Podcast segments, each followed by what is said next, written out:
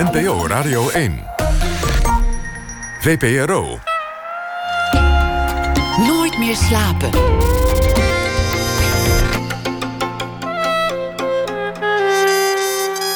Met Liesbeth Staats.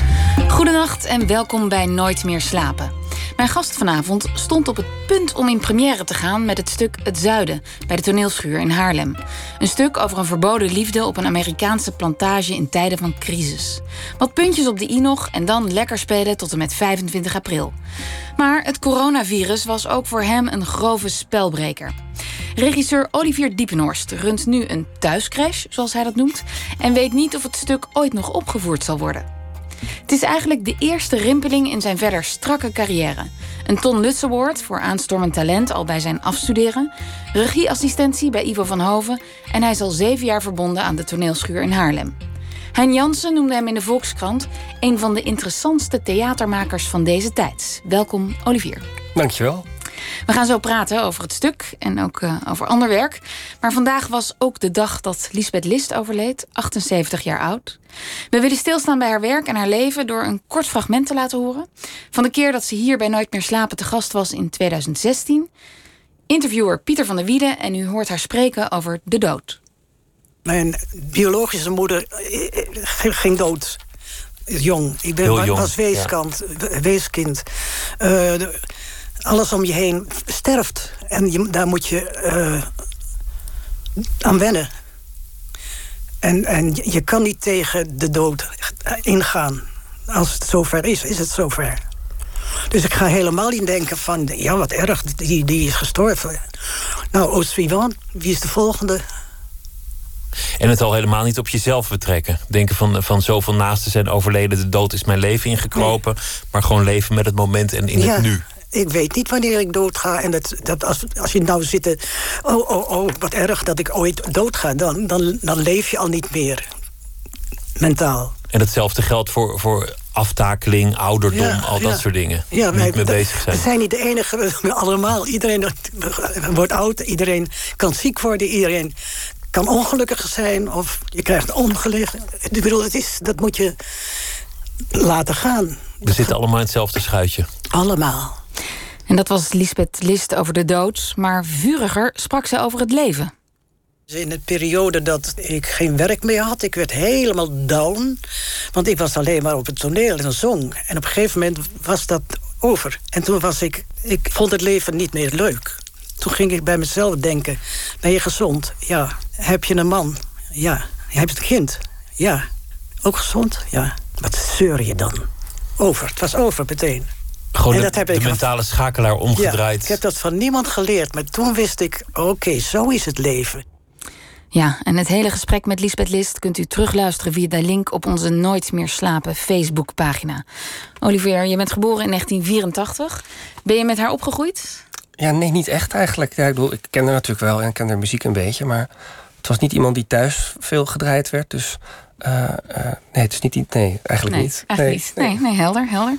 Ehm, ja, ik noemde in de introductie eh, dat jouw stuk waar je zo hard aan had gewerkt... nou, met een hele grote balk op de rails tot stilstand is gekomen. Ja, klopt. Door het coronavirus. Je runt nu een thuiscrash. Ja, nou ja, grote woorden. Maar ja, de, Wat betekent dat? nou ja, de, de crashes zijn dicht natuurlijk. En ik heb twee jonge kinderen van bijna één en drie.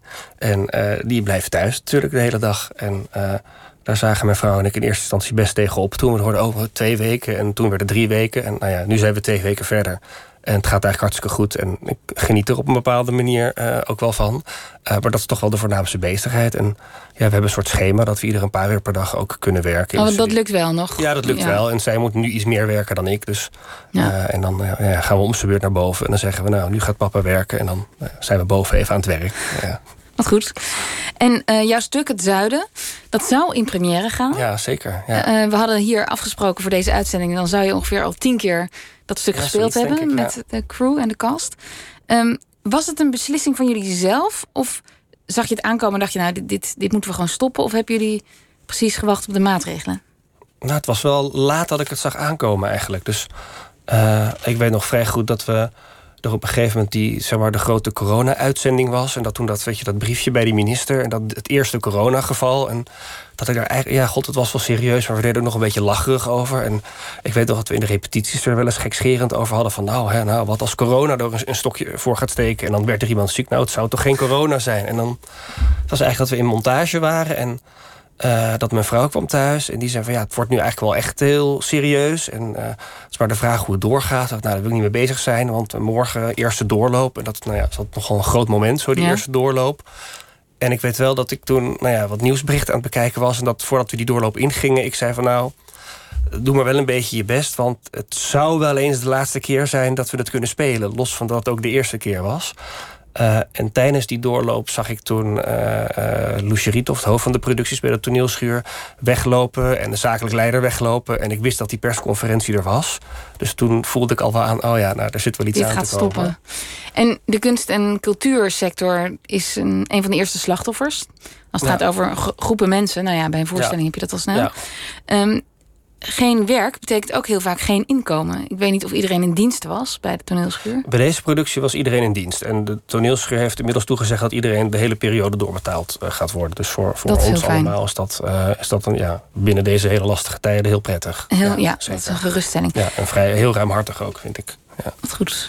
En ehm, hebben jullie nog contact? Eh, doen jullie nog de teksten via Zoom of Skype? Of Nou ja, dat? Kijk, eerst, eerst was het, het, het gaat zo in fases. Want we hebben na die ene doorloop wel de dag daarna... eh, want dat mocht toen nog, hebben we wel nog gerepeteerd. En toen hebben we eh, de generale doorloop gehad... waar foto's van zijn gemaakt. We hebben zelfs een, camera mee laten lopen voor de zekerheid. En de volgende dag zou het try-out zijn. En we wisten al dat die niet doorging. Maar we dachten wel, we gaan nog werken de volgende week... om de voorstelling echt Ja. af te maken. En ja, in het weekend kwam toen zo ja, de berichten binnen dat de scholen en de crèches dichtgingen en dat het allemaal nog serieuzer was. En, eh, dus ja, we hebben een groepsapp en daar spreken we elkaar wel eens op, maar ook, alweer steeds minder. Want, Nee. eh, en zeker toen, eh, wanneer was het afgelopen maandag dat bericht van 1 juni binnenkwam. toen hebben we wel weer wat contact gehad van, oh ja, we gaan het nu dus echt niet spelen de komende tijd. Want we hadden nog een soort stiekem hoop van, nou, heel misschien eind april, weet je, dat we nog de Ja. laatste voor, dat we dat nog zouden kunnen doen. Dat was een beetje de hoop. En hoop je op een doorstart? Ik hoop heel erg op een doorstart, maar ik weet ook wel dat dat heel ingewikkeld eh, gaat Waarom? worden. Eh, omdat dat, eh, dat zal pas volgend seizoen zijn. Je hebt te maken met agenda's van, ik denk zo'n 15 mensen in totaal, cast en crew bij elkaar. Dus dat in de eerste plaats, dan moet er in het theater plek zijn. Idealiter moeten er ook wat andere theaters plek zijn. In principe zijn theaters anderhalf jaar van tevoren wel zo'n beetje volgepland. Eh, en het is ook gewoon nog een financiële kwestie. Ja. Eh, want eh, ja, dit is gewoon heel financieel heel inge- ingewikkeld voor de hele sector. Een sector die het ook al niet zo makkelijk eh, had. Dus, het is, eh, dus we hopen het heel erg en we Ja. gaan er heel erg ons best voor doen. Maar dat, ja, we weten het nog niet zeker. We hopen dat het lukt. En anders gaat het de boeken in als eh, een mythisch stuk. Ja, niet die stuk. Je had, er, je, Ontzettend had, goed je, had was. er, je had erbij moeten zijn. Ja. Ja. Ik Ehm, heb twee vrienden uitgenodigd voor een doorloop. Dat zijn de enige mensen van buiten die, die het gezien hebben. Oh, het-. Nou, ik ook, want ik heb de registratie. de registratie gezien. maar goed, dat, is, dat is wel. Dan zit je wel op de zevende rang ongeveer Ja, achterin. precies. Ben je er niet echt bij. Ja. Je, je wist al jong dat je regisseur wilde worden. En of je was in ieder geval aangetrokken tot dat vak. Ja, Op de middelbare school al. ja, klopt. Ja. Vond ik opmerkelijk, want een droom als acteur, dat hebben, die hebben veel eh, middelbare scholieren. Ja. Waar kwam zo- dat vandaan? Ja, zo begon het ook wel hoor. Dus ik denk dat ik in de, in de tweede klas gaf ik me op een gegeven moment op voor het schooltoneel. Dat ik dacht, oh hier, ik had een soort gevoel, daar moet ik bij zijn. En vanaf het moment dat dat begonnen was, nou ja, wist ik eigenlijk al wel zeker, ik wil op de een of andere manier wel iets met dat toneel gaan doen. Of dat, dat voelde ik toen vrij sterk. Tuurlijk wil je dan in eerste instantie acteur worden, want dat is wat je kent. En- Dat ook. ja, ja, ja, ja. zeker wel. En, maar daar kwam wel al snel eh, een soort, soort makende kant bij dat ik dat ook heel interessant vond. En we hadden het geluk een ontzettend goede dramadocent eh, op school te hebben... die eh, ook als eerste het eindexamenvak CKV 3 Drama heette dat. Dat was tweede fase onderwijs. Maar dat was de mogelijkheid om in drama eindexamen te doen. Eh, en dan mocht je ook je eigen voorstelling zelf regisseren. Daar heb ik mijn vrouw aan overgehouden, overigens aan die productie. Ehm, en toen voelde ik ook wel, oh ja, ik vind dat schrijven en dat maken en dat regisseren ook heel, heel bijzonder. Maar het is eigenlijk pas eh, later, toen ik eh, bij geen van de toneelscholen was aangenomen als acteur, gelukkig maar. eh, hoe- dat, bij hoeveel had je auditie gedaan? bij alle vier. Alle vier jammerlijk gefaald. In de eerste ronde er in één keer uit. En toen zei die dramadocent... Kom eens iets regisseren bij ons op school. En, op je oude middelbare ja, op die oude middelbare school met scholieren. En vanaf het moment dat ik dat ging doen, wist ik ook meteen: oh, wacht, ik wil helemaal geen acteur worden. En toen wilde ik het ook niet meer. Dus die afwijzingen klopt eigenlijk wel? Ja, klopt het totaal. Ja, ik ben ze er dankbaar voor. Want ik was een heel middelmatig acteur geworden. En die regieopleiding die, die je ging doen, Eerst ben je nog docentopleiding gaan doen? Ja, ik heb eerst uh, de opleiding theaterdocent gedaan in Amsterdam. Uh, en dat was een opleiding uh, waarbij je ook eigenlijk die er, je te opleiden om te regisseren met niet-professionele spelers. dus dat kunnen jongeren zijn, dat kunnen amateurs zijn, scholieren. met heel veel plezier gedaan. alleen toen ik ermee klaar was, en ik dat ging doen, bleef er toch een soort van iets sluimeren dat ik eigenlijk ja, toch het professionele toneel in wilde. Ja. En uh, gelukkig was ik in staat om dat via de regieopleiding nog te kunnen doen. En is die regieopleiding, is dat net zo'n heftige opleiding als die acteursopleidingen? Dat je heel erg naar jezelf op zoek moet, angsten moet overwinnen, persoonlijk moet het worden? Uh, ja, eigenlijk wel. Nou denk ik dat die docentopleiding die ik ervoor deed, die theaterdocentopleiding, dat ook al wel een beetje in zich had. Uh, en dus ik was al wat ouder. Ik was 25 toen ik eraan begon. Dus dat is wel prettig dat je... Je staat iets steviger of zo in je mhm. schoenen. Maar je moet wel tegelijkertijd professionele acteurs gaan regisseren. Die ook vaak ouder zijn en veel meer ervaring hebben. Dus dat is best, ja, best wel confronterend en, en heftig. Vooral ook omdat ja, alle mensen die daar les geven... dat waren best wel grote voorbeelden van mij. En die, ja. Ja, die vinden dan van alles van wat je aan het maken bent. En dat krijg je terug in docentenvergaderingen en zo. In De Groene Amsterdammer stond een paar jaar terug Ehm, een stuk over jouw generatie theatermakers. En daarvan werd gezegd: ja, deze generatie staat tot de knieën in het bluswater van deze tijd. Oh, mooi. Ja, mooie uitdrukking. Is dat van Luc Sonneveld? Ja. ja. Herken je dat, die uitspraak? Uh, ja, ik ken het artikel niet, gek genoeg. Uh, ik denk wel dat dat klopt, ja. Dat we en wat bedoelt hij dan? Ja, ik denk dat we in ieder geval een generatie zijn die uh, heel erg op de huid van de tijd theater probeert uh, te maken. En daar hebben we allemaal onze eigen vormen voor, maar dat ja, actualiteit nooit, nooit ver weg is daarin op een of andere manier. Dat, en ik weet niet in hoeverre dat nou voor onze tijd heel erg anders was. Maar mm. er is natuurlijk wel volgens mij in de jaren negentig een soort periode geweest dat het daar weer van weg is gegaan. En daar, ja, daar zitten we nu alweer uh, middenin. Dat, ja, je kan het engagement noemen. Uh, dus dat, dat herken ik wel, denk ik, ja. En Jij hebt bijvoorbeeld nu Het Zuiden gemaakt. Dat is een stuk van uh, Julian Green of Julian Green. Ik weet ja, ja, je kan het volgens mij alle twee zeggen. Ja, Het is een Amerikaanse Frans-Amerikaanse schrijver, toneelschrijver. Um, zoek jij dan in zo'n stuk, als dat op je pad komt of als je dat zoekt, ook naar de link met de actualiteit of met deze, naar de link met de tijd? Ja, ik denk specifiek.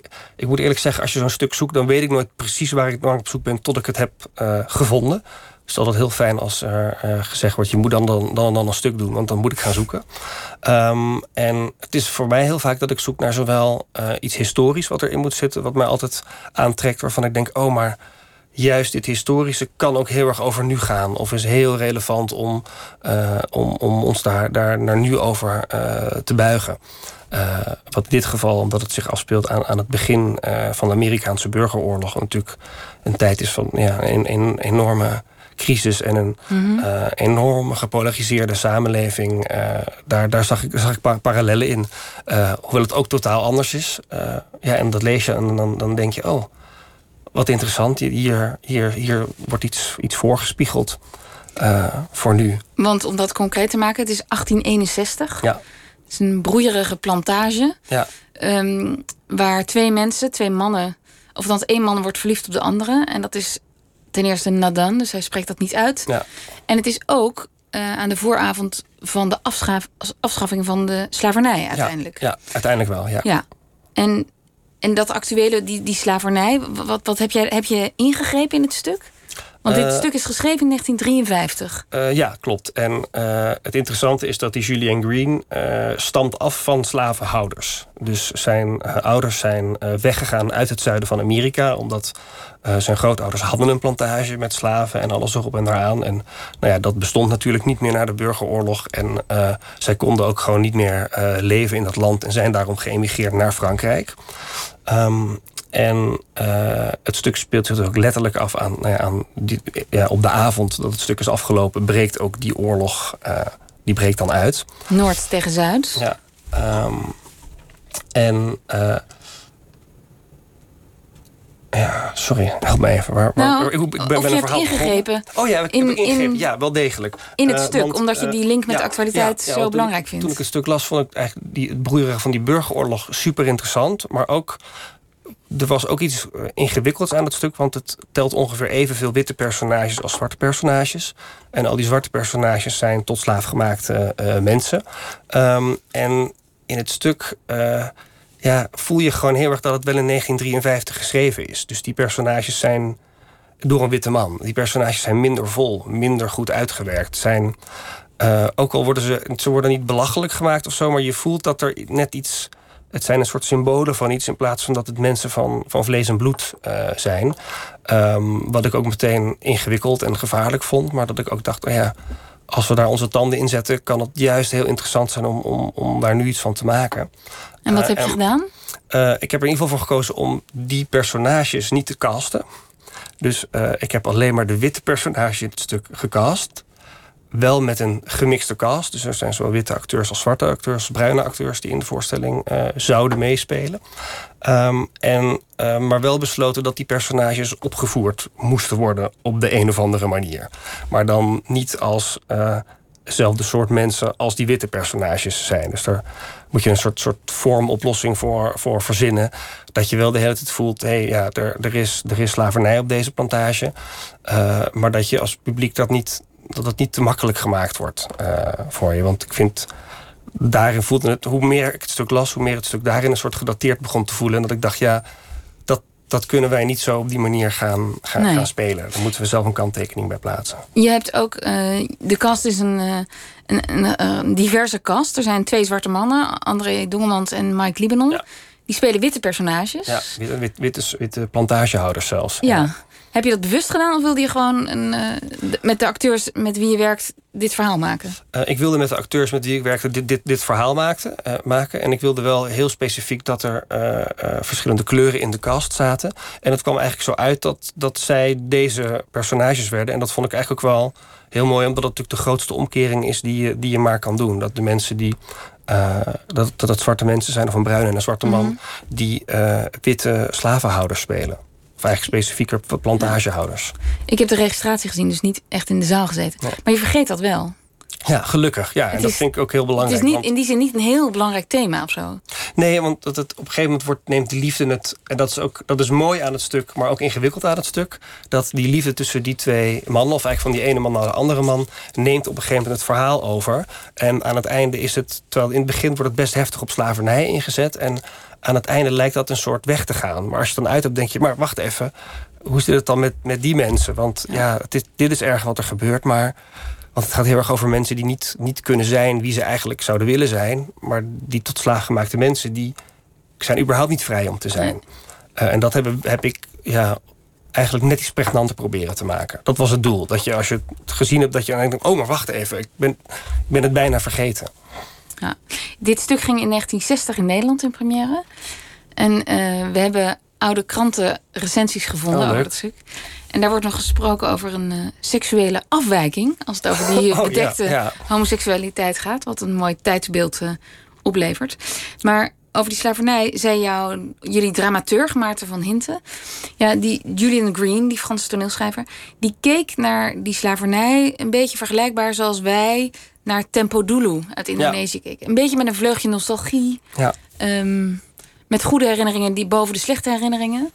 En hij zei, ja, ik snap wel dat hij dat vanuit zijn perspectief zo heeft opgeschreven. Ja. Maar in ehm, 1990 heeft Ivo van Hoven het ook nog opgevoerd. ja, klopt. Maar toen waren die tot slaafgemaakten er nog gewoon bij. Ja, ja zeker. Ja, ik heb het niet kunnen zien, want ik was, eh, ik was zes jaar oud toen. Ja. Eh, en ik weet ook wel dat ik heb er kort met Ivo van Hoven over gesproken. En die zei wel van ja, het stuk heeft wel ook best wel een probleem nu. Want hij zei, ja, die slavernij is heel erg aanwezig in het stuk. Maar het gaat er uiteindelijk niet echt in de kern eh, over. Eh, wat, eh, wat klopt. Mhm. Maar ja, ik, ik heb die voorstelling zelf niet gezien. Ik heb Nee, er dus wel je wat, kan- wat dingetjes over gelezen. Dat daar, Ja. dat er aan de ene kant lof was voor het feit dat er zwarte acteurs te zien waren. En tegelijkertijd kritiek op het soort rollen die ze te spelen hadden. Maar ik geloof Ja. ook dat het een hele mooie voorstelling is geweest. Wat ik er van veel mensen over heb gehoord. Dus, Ja. In, in, in jouw versie van Het Zuiden Mhm. ehm, er zitten heel veel gevoelens die niet benoemd worden. Nou, die homoseksuele liefde ten eerste. Maar mensen voelen, bijvoorbeeld een plantagehouder voelt al dat die slavernij, dat systeem kraakt in zijn voegen. Dat kan echt niet meer. Maar hij houdt eraan vast. Ja, ja, en dat... Omdat hij, als hij dat niet doet, dan moet hij zichzelf in, in de spiegel aankijken en conclusies trekken. En jij zei daarover in een interview, ja, uh, gevoelens die niet benoemd worden, maar die je wel ziet, dat is interessant. Mhm. Toen vroeg ik me af, ja, wat zie je dan als gevoelens niet benoemd worden? Wat gebeurt er dan? Ja, dan zie je mensen worstelen, denk ik. Of, of, of, een schijn ophouden naar, naar anderen toe, of liever nog naar zichzelf toe. Want dat vind ik in het geval van deze man eigenlijk nog, nog interessanter. Mensen Ja. die, die in strijd zijn met, met, met zichzelf. Of een spel spelen. Of het liefst alle twee.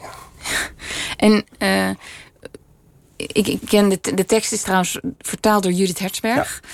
Ehm, zit dat ook heel erg in die tekst? Of hebben, hebben jullie daar ook nog eh, veranderingen Nee, dat zit, echt, dat zit echt in die tekst. Het gaat echt over, eh, en daar was Julian Green zelf ook een meester in, in, in, allemaal, in dingen die niet uitgesproken mogen worden, gevoelens die niet uitgesproken mogen worden. Sterker nog, je, je kan het stuk spelen, en zo is het ook gedaan, zonder dat iemand doorheeft dat het over homoseksuele liefde gaat. Terwijl daar gaat het over, echt volledig. Eh, en dat heeft alles met de schrijver Julian Green zelf te maken, die zijn hele leven lang eh, verstoppertje eh, gespeeld heeft met, met, met de wereld en met zijn Mhm. publiek. En nooit openlijk uit de kast is gekomen. Terwijl iedereen het ook wel wist. En hij ook niet zo.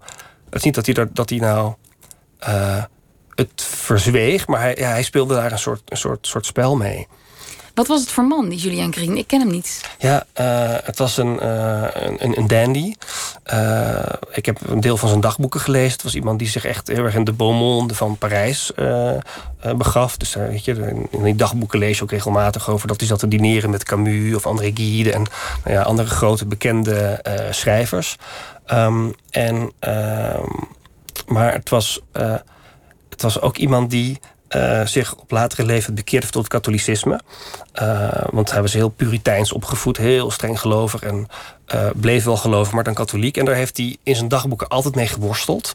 Dus dan schrijft hij ook dat hij last heeft van die zinnelijke begeertes. En dat hij toch eigenlijk wilde dat die, die verlangens van het vlees niet bestonden. Want hij vindt het zo moeilijk om daar, nou ja, om daar afstand van te nemen. Hoe graag je wel niet kuis zou willen kunnen leven. En dan daarna weer allerlei filosofische bespiegelingen over Montaigne die hij weer heeft herlezen.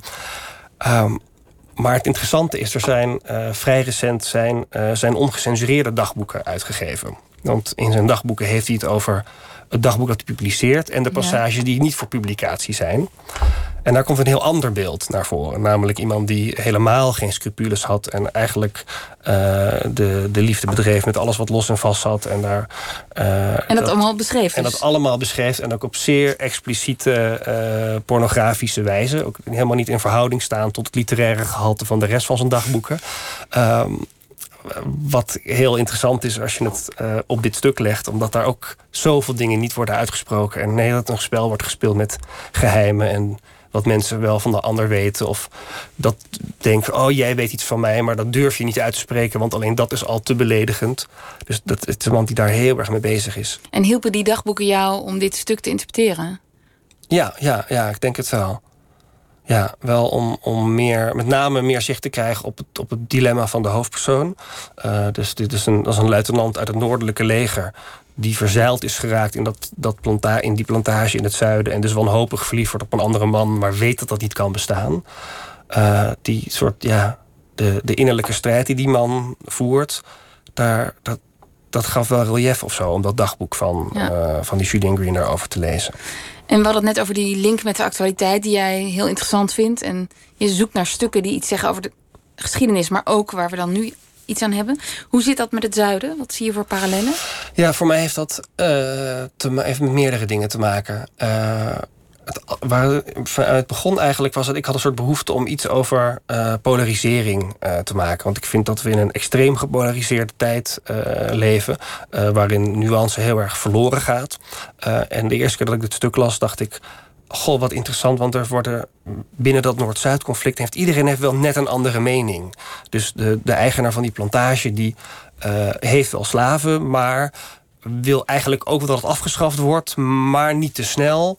Uh, en je mag ze vooral niet slaan, dus je moet wel goed voor ze zorgen. Ja, hij, hij zegt ook de ja, maar ik ben toch heel aardig voor ze? Precies, ik ben heel aardig voor ze. En ik heb er ook een paar vrijgelaten en ja. die kwamen toch terug. En uh, dus zoiets van, ja, uh, ik, ik heb dit systeem ook maar georven... maar ik ga er nu het beste van maken. En hij heeft een zus die gewoon zegt: Ja, sorry, dit systeem is er. En wij staan toevallig bovenaan. En we gaan hier gewoon uh, keihard voor. En uh, anders moeten ze ze maar terugsturen naar Afrika. Uh, het is een beetje keihard daartegen in. En dan heb je het personage dat André Dongelman speelt.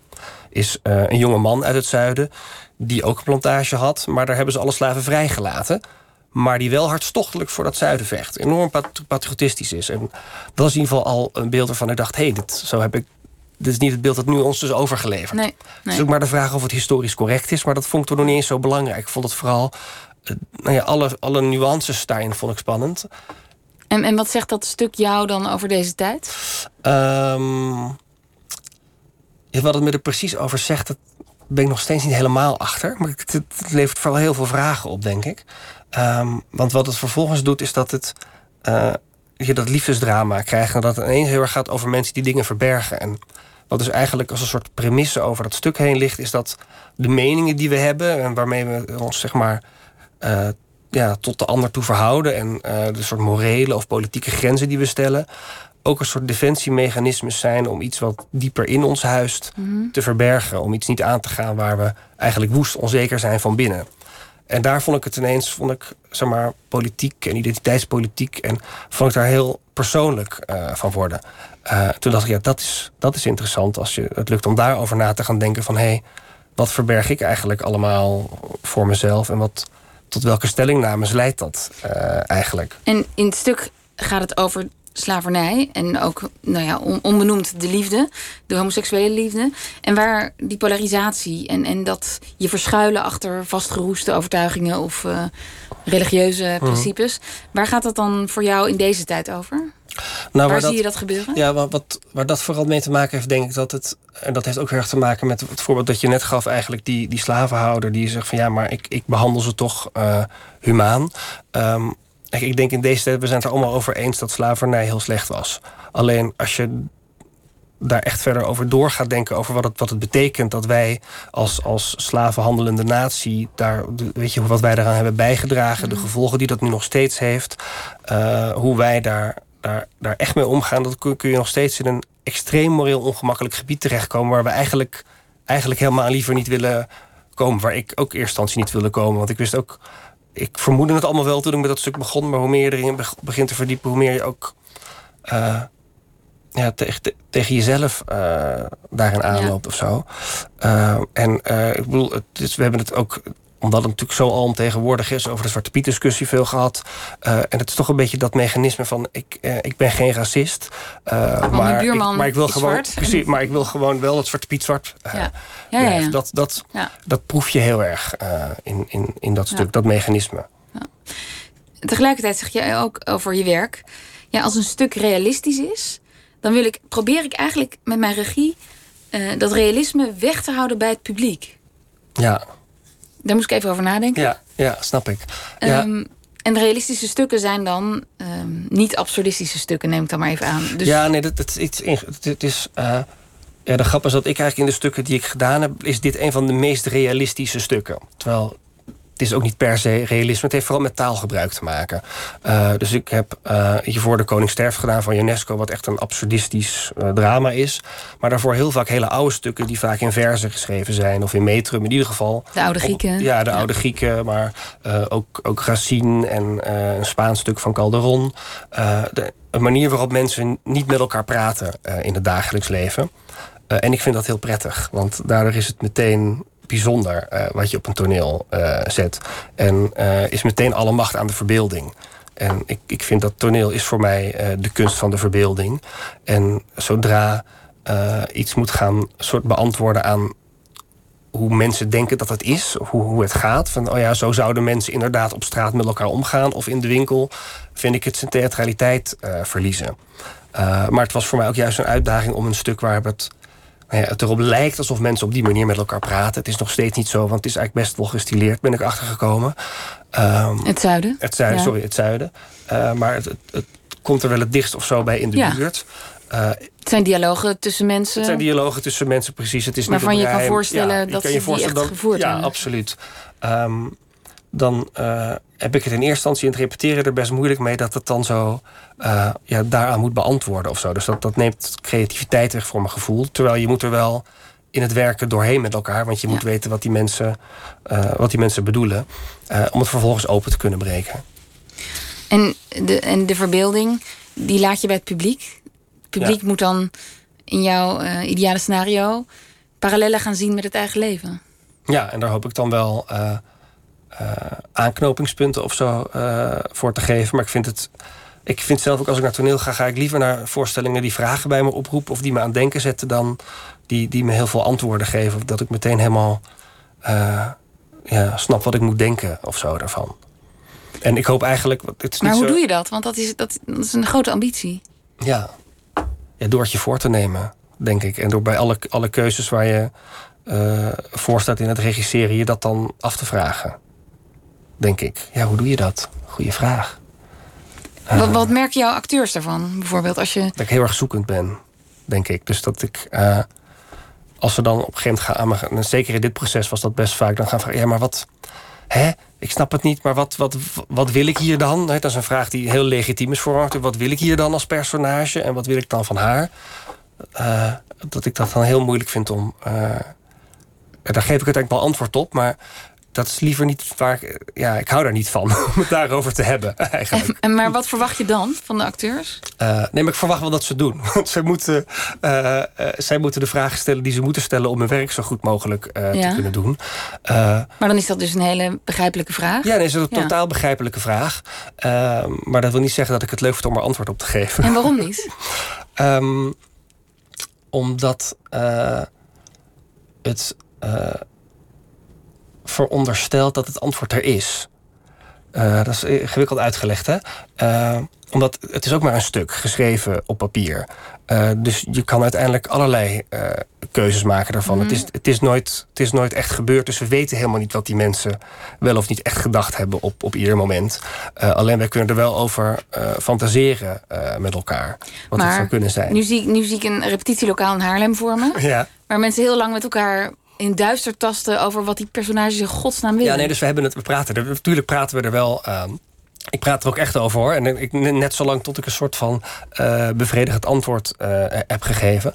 Maar ik denk wat ze er vooral eh, van merken, is dat ik eh, vaak inhoudelijk wel heel goed weet waar ik naartoe wil of in welk gebied ik het eh, wil zoeken. Maar dat we dat echt zoeken. Dus ik weet het van tevoren. Ja. Niet, niet hoe een scène eh, precies gespeeld eh, moet worden of, of, of waar ze moeten staan. Maar dat is grappig, want, je, want net kom je heel overtuigend over als je zegt: ja, ik, ik vind die nuance van zo'n zo'n familie op zo'n Ja. plantage met allemaal verschillende ideeën over het tijdsgevricht waarin ze leven, vind ik heel interessant, omdat je dan ziet dat het allemaal niet zo zwart-wit was Ja. en verschillende perspectieven zijn. En dat wil ik overbrengen. Ja. Dus dat weet ik wel. Dat weet Ja, je wel. ja. Weet maar dan snap je misschien ook waarom de ene plantagehouder deze mening is toegedaan. Ja. En waarom die, die vrouw doet zoals, zoals ze doet. Ja. Ja, nee, op, dat, maar op dat niveau snap ik ook het zeker hoor. Maar soms gaat het dan over. Weet je, het kan heel erg op, op, op detailniveau gaan. Van oh, maar waarom, waarom zeg ik dan hier, hier dit? En dan zeg ik twee zinnen later dat. En oh, maar hè, die jongen is toch mijn zoon. Waarom doe ik dan zo, eigenlijk, waarom doe ik dan zo onaardig tegen hem? Ehm, en ja, ik weet eigenlijk waar ik heen wil. Eh, en het gevaar is dan dat je in een soort psychologie terechtkomt. Dus, eh, en dat vind ik zelf. Dus dat, dat personages psychologisch helemaal rond en, en, en af zijn. En dat vind ik, vind ik zelf niet de meest interessante route om te bewandelen. Dus ik heb, heb liever dat. dat eh, ja, hoe moet je dat zeggen? Eh, ik gebruik het woord theatraal daarvoor, maar dat is altijd op heel veel verschillende manieren. Nou, eh, ja. verschillende manieren uit te leggen. Ehm, maar dat het. Het moet in ieder geval niet zo zijn dat, weet je, als wij al, het al zo moeilijk vinden om precies te snappen wat daar dan wel of niet bedoeld wordt, moeten we niet de illusie hebben dat het publiek dat dan allemaal gaat snappen en dat het de bedoeling is. Je moet er vooral benieuwd naar eh, worden. Daar heeft het mee te maken, ja. denk ik. En, en komen acteurs daarmee weg? Ik bedoel, Uiteindelijk wel, ja. Ja. ja. jij hebt de registratie gezien. Ja, ik, vind, zeker. ik vind van wel. nee, maar, maar het lijkt me ook vrij onzeker. Ja, ik ben geen acteur. Ja, dus- nee, maar dat, dat, dat, dat is ook. eh, dat is, dat is onzeker. Uh, maar dat zijn alle repetitieprocessen, denk ik. Altijd. Met, Ja. met, met wel- welke regisseur of welke acteur je ook werkt. En het is altijd, altijd spannend. En je denkt altijd veel momenten dat je denkt... oh, waar ben ik aan begonnen? En het wordt helemaal niks. En zeker bij dit stuk vond ik het best wel heel moeilijk eigenlijk. Heel leuk om eraan te werken, maar heel moeilijk. En nou ja, we waren net op een punt dat we dachten... oh, het is heel mooi aan het worden. En toen kwam toen corona kwam dat om de, om de hoek. We gaan even naar muziek luisteren. Je hebt een nummer van Nina Simone meegenomen. Be My Husband. Daar eindigt het stuk mee. Ja. Daar gaan we nu naar luisteren.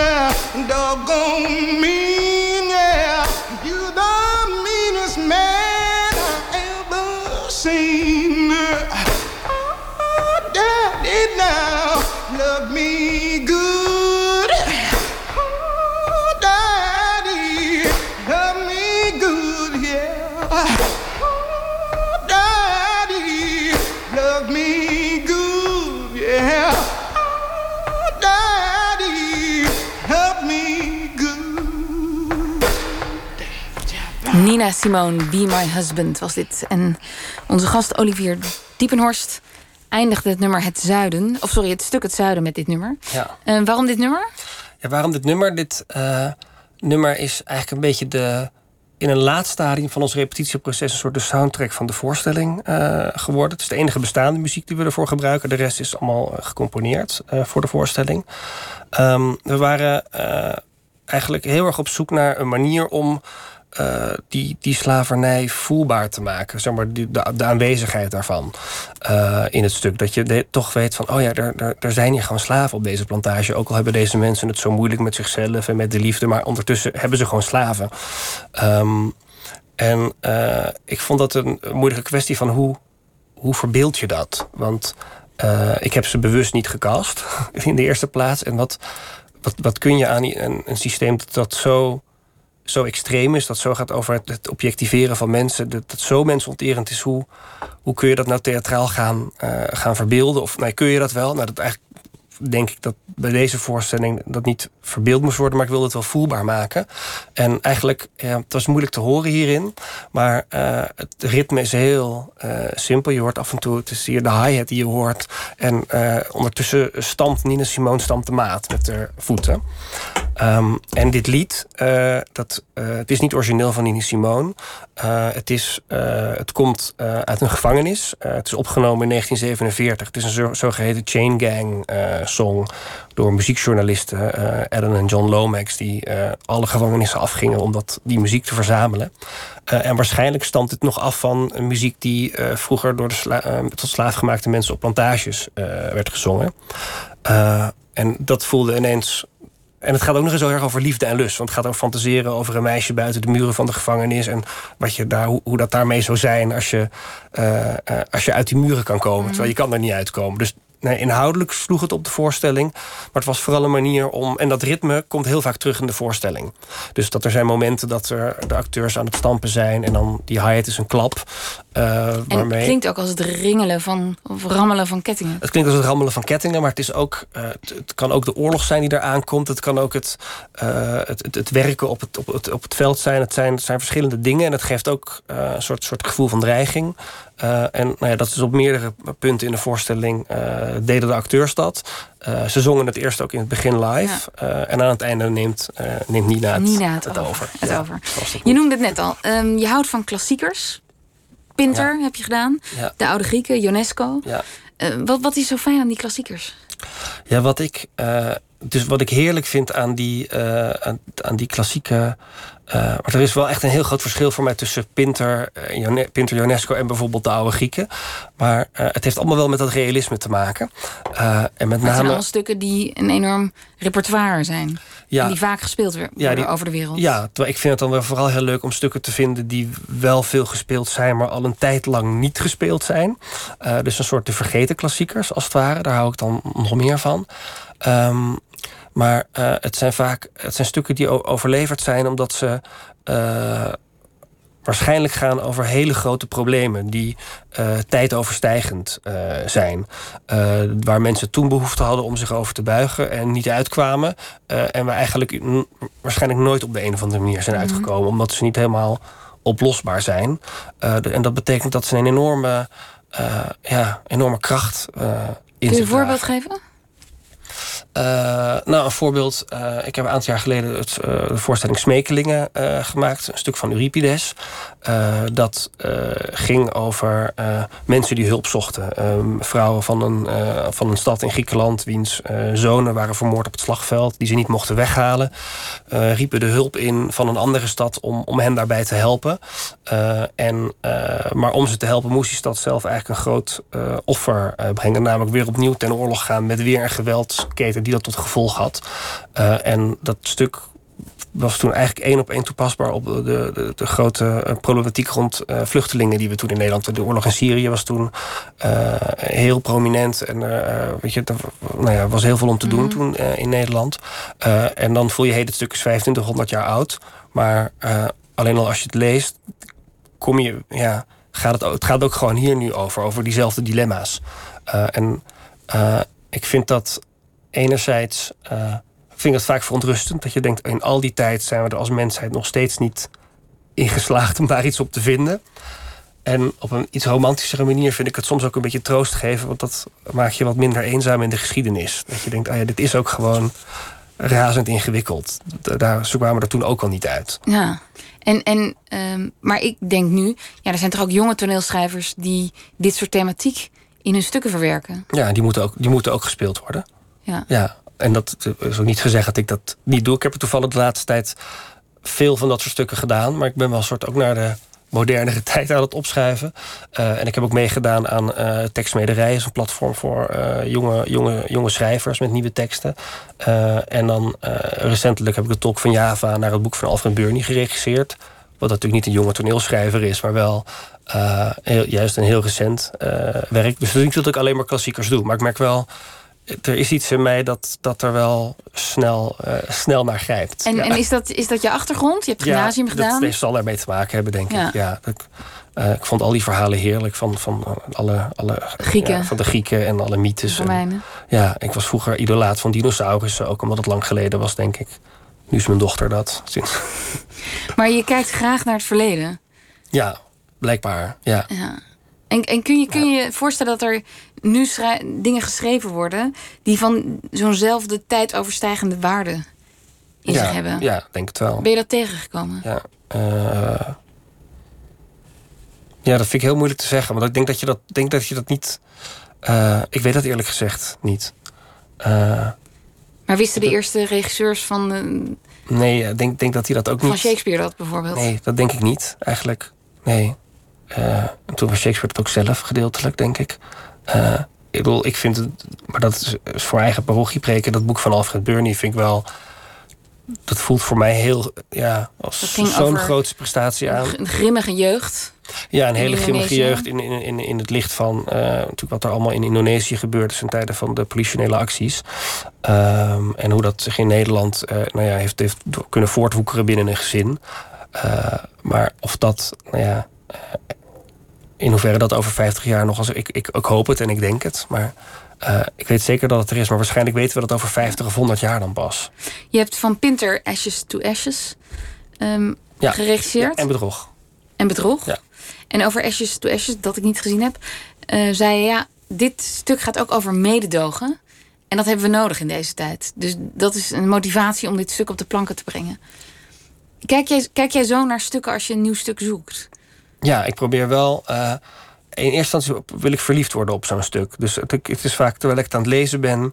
eh, merk ik zo als ik richting het einde kom, dan heb ik vaak al besloten van: oh ja, dit, dit, zou het, dit zou wel eens iets kunnen worden dat ik echt wil gaan regisseren. En vervolgens ga je wel heel goed nadenken over, maar ja, eh, waarom dan? Wat, wat is er dan met dit stuk waar- waardoor ik er nu zo op aanga? En denk ik dat dat relevant is voor een, voor, voor een breder publiek dan, dan alleen mezelf? En is het niet soms ook, je werkt zeven jaar bij de toneelschuur. Nou, ik moet een, ik moet een ensemblestuk hebben. Ik moet veel rollen hebben. En ehm, Ja, nee, bij de toneelschuur werkt dat dan weer niet zo, omdat het echt, dat is echt ge- gebaseerd op de regisseurs die daar werken. En alle acteurs zijn freelance, dus het is echt wat, wat jij als regisseur wil doen, dat ga je doen. Dus als jij een monoloog wil, dan wordt het een monoloog. En als je eh, zin hebt om met zeven acteurs te werken, dan kan dat soms. Niet, niet, niet ieder jaar, want het is heel duur. Ehm, eh, dus voor mij, het werkt bij mij altijd toch wel ieder dat ik denk, waar heb ik zelf behoefte aan? Eh, hoe, hoe, ja, een soort je eigen carrière plannen. Dingen doen die je nog niet gedaan hebt. Waar je ja, jezelf uitdagen. Een nieuw soort stukken zoeken. Het heeft, meer daarmee te maken. En als je dan erop uitkomt dat, dat een stuk gaat over mededogen, los van Ja. plot en het verhaal en de dialogen. ehm, waarom hebben we mededogen nodig? Waarom hebben we mede... Ik denk dat mededogen heel belangrijk is. Eh, En waarom juist nu? Even kijken, want natuurlijk de voorstelling is al een tijdje geleden... waar je nu naar refereert. Maar ik denk ook... Nou ja, ik denk dat- 2015. Ja, ik denk dat we. eh, ja, we maken, we maken allemaal fouten en blijven ze, denk ik, maken. Eh, en en, en waar, waar, ja, waar zouden we zijn als we daar, daar niet enige, enige compassie voor, voor kunnen hebben? En ik denk dat binnen het toneel hou ik er wel heel erg van om. eh, ook als mensen de meest, meest walgelijke dingen doen, dat je toch daar iets van iets van begrijpt. Niet om het goed te praten of zo, maar wel dat je, dat je toch snapt hoe iemand ergens toe kan, kan, kan komen op een bepaalde manier. Eh, wat iets anders is dan vergeving. Niet, niet alles hoeft per se vergeven te worden, denk ik. Maar En, en lukt dat jou makkelijk? eh, in mijn eigen dagelijks leven best wel, denk ik eigenlijk. Eh, ja. Maar als je dan over de actualiteit gesproken, als je de krant leest of nieuws ziet, dan, dan lees je over verschrikkelijke gruweldaden die dichtbij en ver, ver van ons ge- gepleegd worden. Lukt het jou dan om te begrijpen waarom die mensen dat doen? Of is dat Oh, jouw nee, ambitie? lang, nou, eh, even kijken. Oh, dat zou het misschien moeten zijn. Ja, nee, het is, denk ik echt, het is wel echt werkgerelateerd, denk ik. Dat als ik aan, aan het regisseren ben, dat ik dan daar heel erg mee bezig ga zijn. Eh, het is wel zo dat ik altijd iets in me heb gehad dat je altijd een soort de. de eh, ik ben wel iemand die vaak de advocaat van de duivel speelt. Om de een of andere reden heb ik daar wel vaak behoefte aan om dat te gaan doen. Eh, maar dat, En hoe gaat het dan? ja, dat je. eh, nou ja, als. eh, als er een, iemand, een conflict heeft met, met iemand anders of met een leidinggevende of wat dan ook, en daar oprecht heel verontwaardigd over is, ik toch heel erg geneigd kan zijn en soms misschien zelfs iets te snel om het ook van dienstkant te proberen te bekijken. Van hé, ja, maar god, wie zal ook wel met een reden uh, boos zijn, denk ik. Uh, ik vind het ook altijd. Ik kan er ook helemaal niet zo goed mee omgaan als mensen dat bij mij. Dat zijn mensen denk ik niet, niet vaak, maar als mensen dat bij mij zijn of zo, dan vind ik dat iets heel ingewikkelds om mee om te gaan. Als ze boos op je zijn? Ja, want ik denk ze zullen er vast wel een hele goede reden, een hele goede reden voor hebben. Uh, dan, uh, ja, dat vind, ik vaak, dat vind ik dan ingewikkeld. En lijkt mij, als je regisseur bent, dat je dan constant. Um, je moet leiding nemen. Mhm. Je moet uh, mensen in keuzes voorgaan. En je mag dingen natuurlijk onderzoeken met elkaar. Maar op een gegeven moment moet er een knoop doorgaan Ja, zeker. Ja. Is dat dan niet lastig als je. Dan heb je vast ook met weerstand te maken. Ja. En met mensen die het niet eens zijn. Ja. En denk jij dan de hele tijd: oh mijn god, hij heeft vast gelijk. Uh, Als dat nee, jouw karakter ja, ja, is? nee, ja, nee, maar ik kan dat wel. Uh, nou, er is wel iets in me dat ik ben echt heel benieuwd in wat de mensen om me heen vinden en denken. Dus uh, als ik iets voorstel, iets op een bepaalde manier gespeeld moet worden. en een acteur denkt: ja, maar ik had eigenlijk dit in mijn hoofd. of ik denk dat dat ben ik daar echt heel benieuwd naar. En uh, zeker als je vaker met mensen hebt samengewerkt, denk ik soms van: oh nee, je hebt gelijk. Of dan vertrouw ik iemand daar uh, op. Uh, dus ik ben wel van een soort. En dat betekent is niet een soort pappen en nat houden, maar wel een soort. Ik zoek niet heel snel het, het conflict op in een repetitielokaal. Ik probeer ons wel een soort gezamenlijk ergens naartoe te bewegen. Mhm. Maar uiteindelijk, als er keuzes moeten worden gemaakt, dan, dan doe ik dat ook. Want uiteindelijk staat kunstwerk voorop.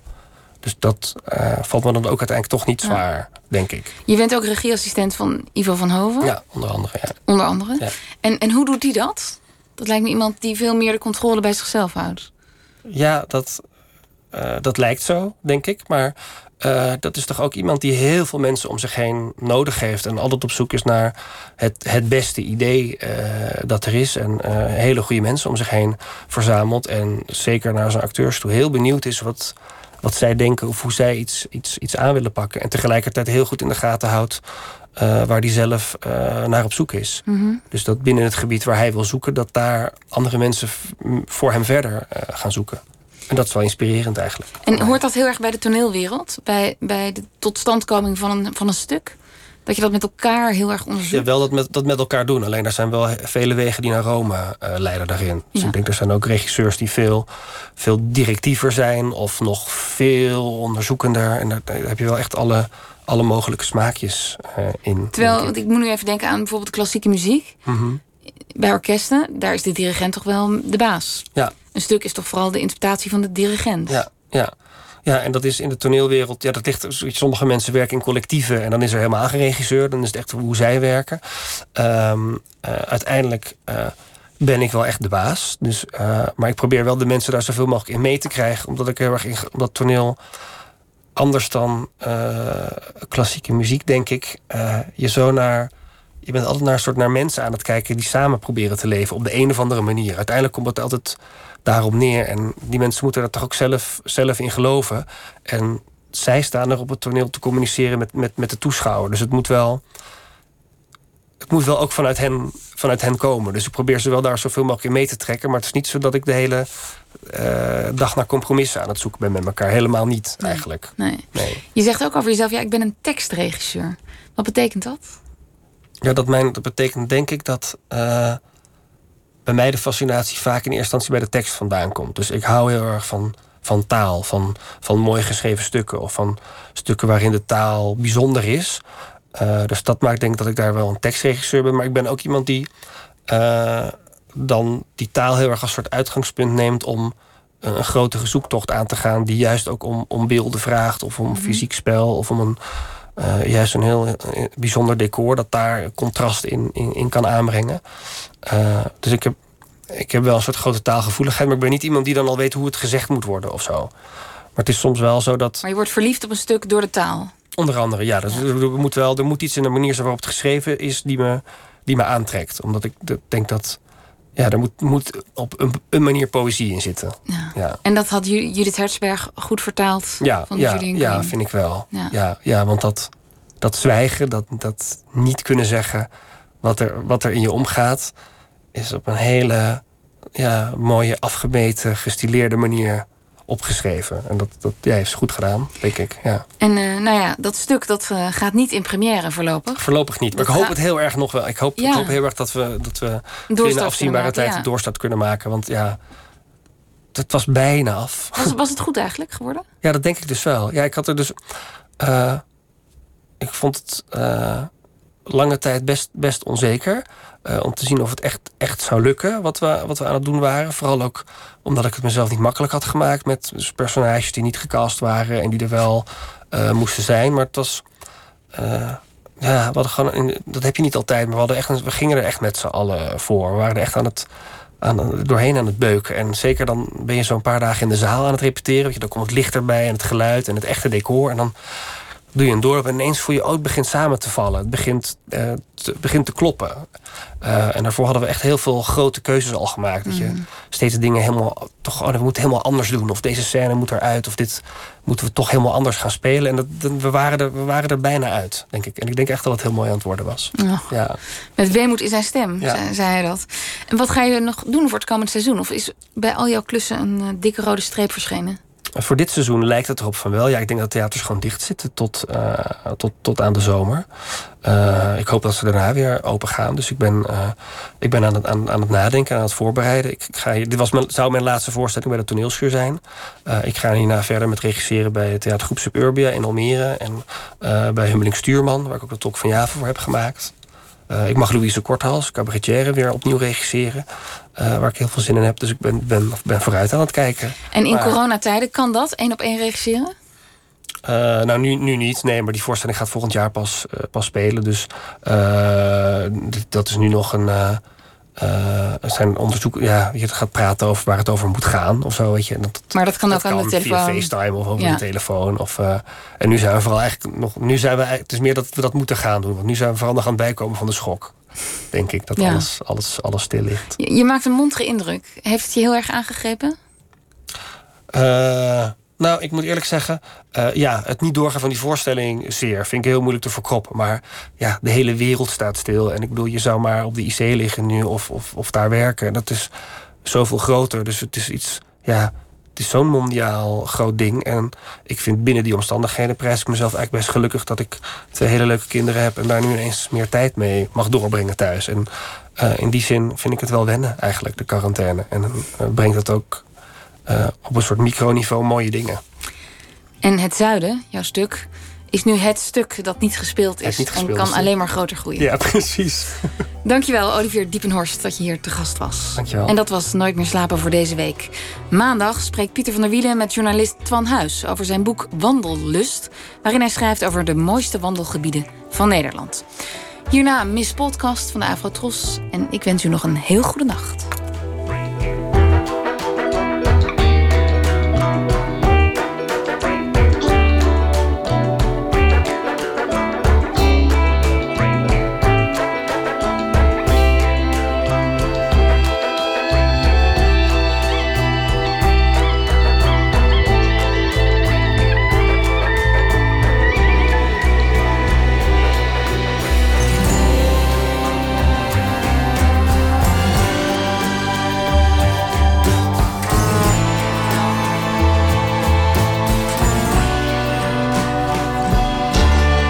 Radio 1, het nieuws van alle kanten.